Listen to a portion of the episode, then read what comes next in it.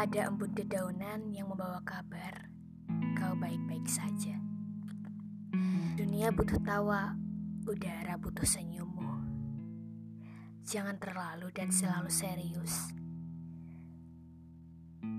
Mentari dengan wajahnya yang pucat pasi menyapaku kembali. Membawa pesan, menari-nari di ujung jemari, menutup hari dan terang menepi, lalu rasamu telah mati. Tentang abu di atas teratai itu, bahwa tidak semua tempat diciptakan untuk sekedar berlabuh. Katanya hanya sekedar datang, tapi tak memikirkan jalan pulang. Biarkan saja apanya, sampai-sampai asmanya kambuh dan kau tetap berteduh. Menambah gaduh membuat rapuh. Sial, biang lala itu masih mendekap tawamu.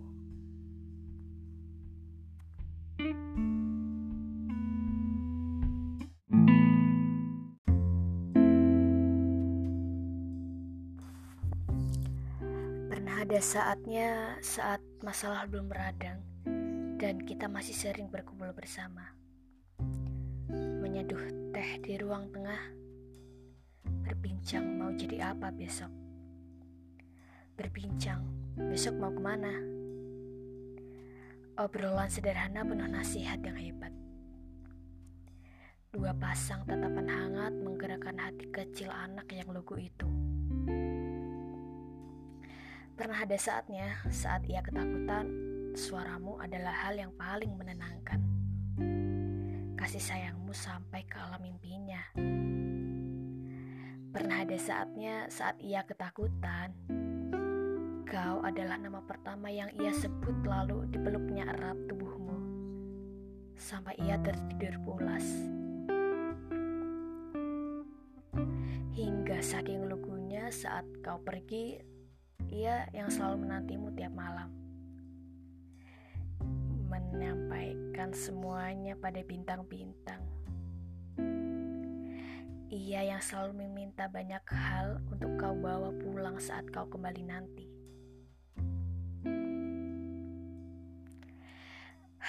Hingga waktu membawanya pada sedikit demi sedikit pendewasaan.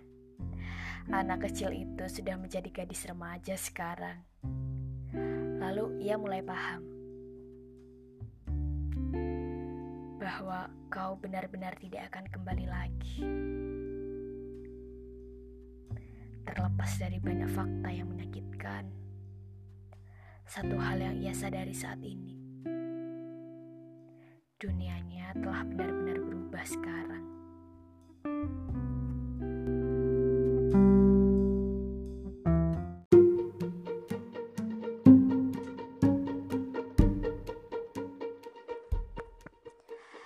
Ternyata banyak sekali yang telah terjadi setelah kuputuskan untuk kembali. Aku hampir kehilangan banyak hal demi satu ambisi itu. Ternyata tidak baik meninggalkan potensi-potensi kecil demi satu ambisi yang besar. Hei, hidup tidak melulu tentang angka dan molekul yang kamu pelajari Ke mana angin membawamu pergi, di situlah kamu harus benar-benar tumbuh, membawa pengaruh yang baik untuk sekitar. Kau tahu bahwa penyesalan yang akan terjadi tidak akan baik untuk kesehatanmu.